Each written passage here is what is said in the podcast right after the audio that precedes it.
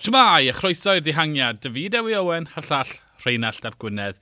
Cymal 11 y giro o Perugia i Montalcino, ond yn bwysicach dros pedwar sector greian.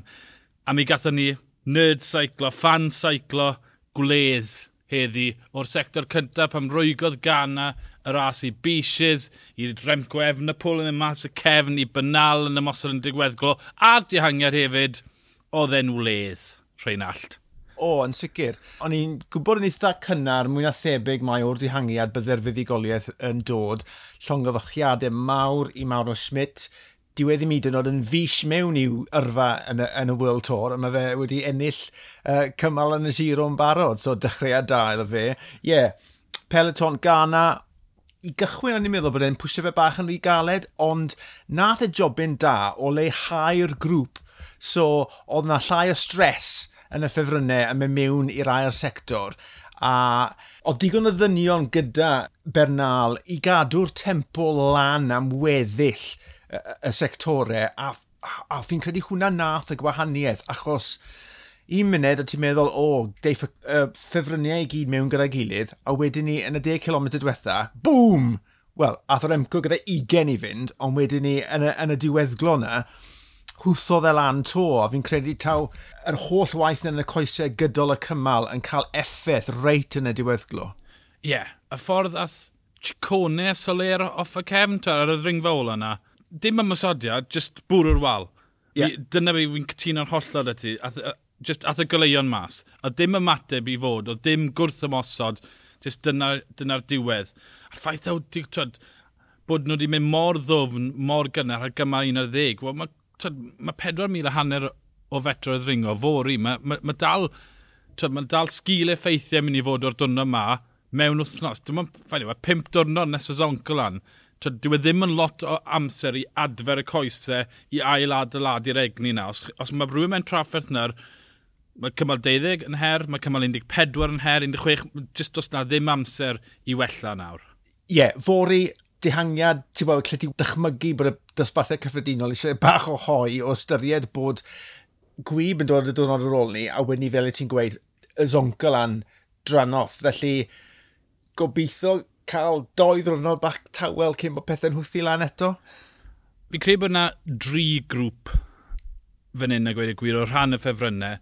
A, fel, te, trafodaeth tebyg i ni wedi bod yn cael dros twa, ar ôl cymal chwech, cymal naw, y rhai sydd wedi mynd o ddi ar y dibyn, y rhai sydd wedi mynd chydig o draffed, y rhai sy'n disgo fel ffefrynnau nawr, fi'n credu bod eisiau un categori all ar bynal yn tybeth. Mae Dan Martin, wel, ath e, ath e mas o'r cefn ar y sector gyntaf, felly mae e oddi ar y rhestr. Mae Atila Falter wedi dymchwel Remco Efnapol gyda 20 clom i fynd yn colli gafel ar y pelton. Mi oedd e'n ddisgwyl mowr yna fe, mi oedd e'n bwysau mowr. Mae'r pawb wedi trafod ar y symau heb rasio ys naw mis modd yn anochel, wel, wel dyna fe, twyd, mi, mi ddeith e'n ôl, neith e? O, ie. Yeah. Oedd llwyddo yn bosibiliad a oedd cwmpo off y dibyn yn bosibiliad. Oedd hwn yn gam i'r tywyllwch mewn sawl ffordd i'r Emco. Wrth gwrs, neu ffydd e yn ôl, mae fe just ar gychwyn i yrfa. O ti'n chi gweld yr hwystredigeth yna, ddim cweith yn siŵr pam falle just y coesau ddim yn ymateb yn y modd cywir dwrnod cynta ar ôl dwrnod gorffwys rhywbeth diwedd ddim wedi gorfod delio ar blaen, wrth gwrs. Yr holl beth un gyda Almeida, a e ddim nôl tan bod Remco wedi colli 45 eiliad. Oedd y cyfathrebu yna ddim, ddim gyda nhw.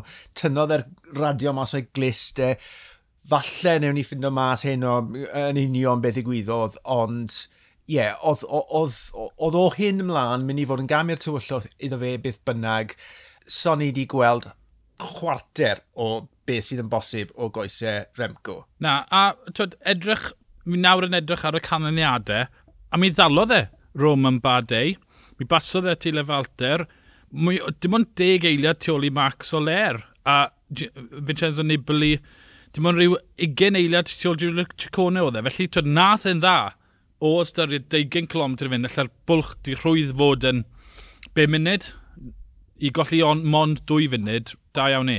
Pam dath Almeida nôl iddo fe, nath y bwlch aros yn funud am ioncs. Dim rhywun yn chwythu lan yw hwnna.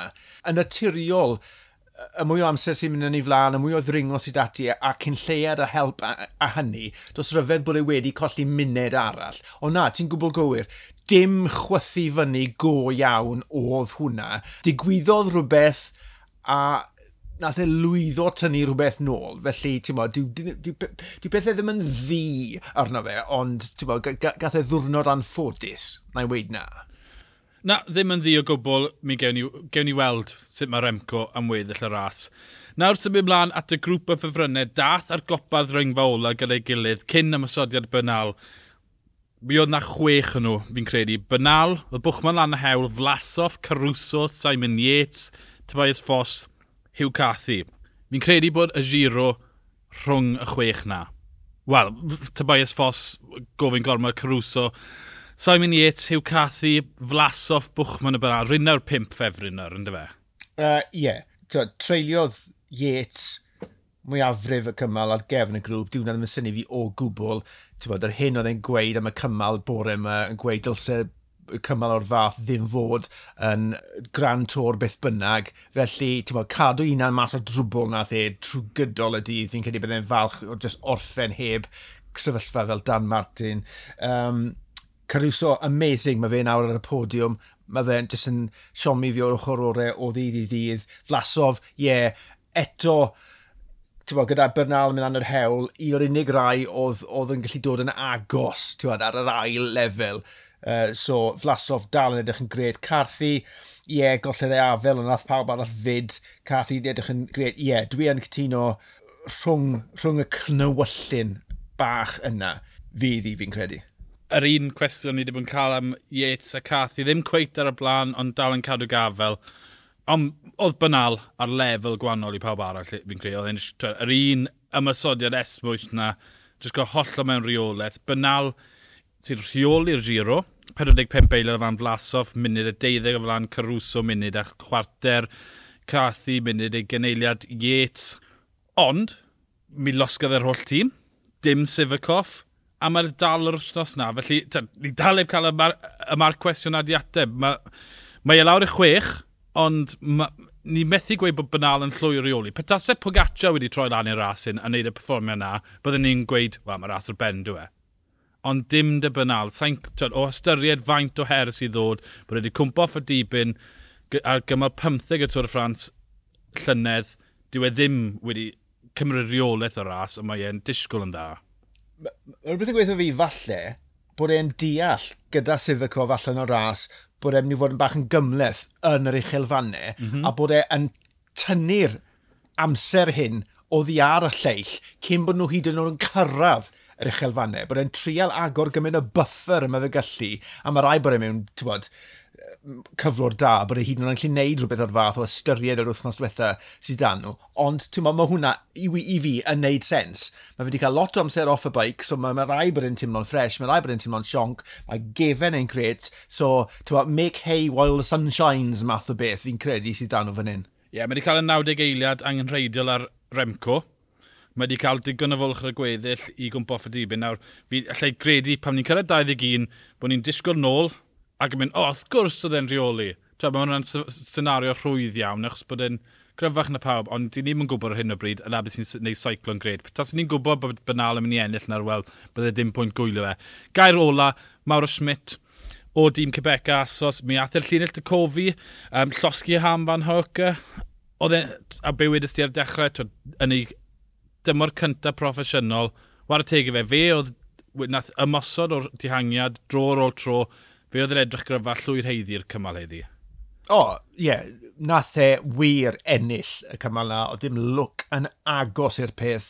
Uh, fe ac hofi yn sicr oedd y cryfa a oedd y wyb na tywa, gwyb lan rhyw, fi wastad yn mwynhau'r math ni y beth, ti'n mas o'r cyfrwy a ti'n gweld nhw yn gwthio, a o'n i'n meddwl bod wedi mynd lot rhy gynnar ond nath e just cadw'r tempo na, a oedd cofi just ffili dod o amgylch e.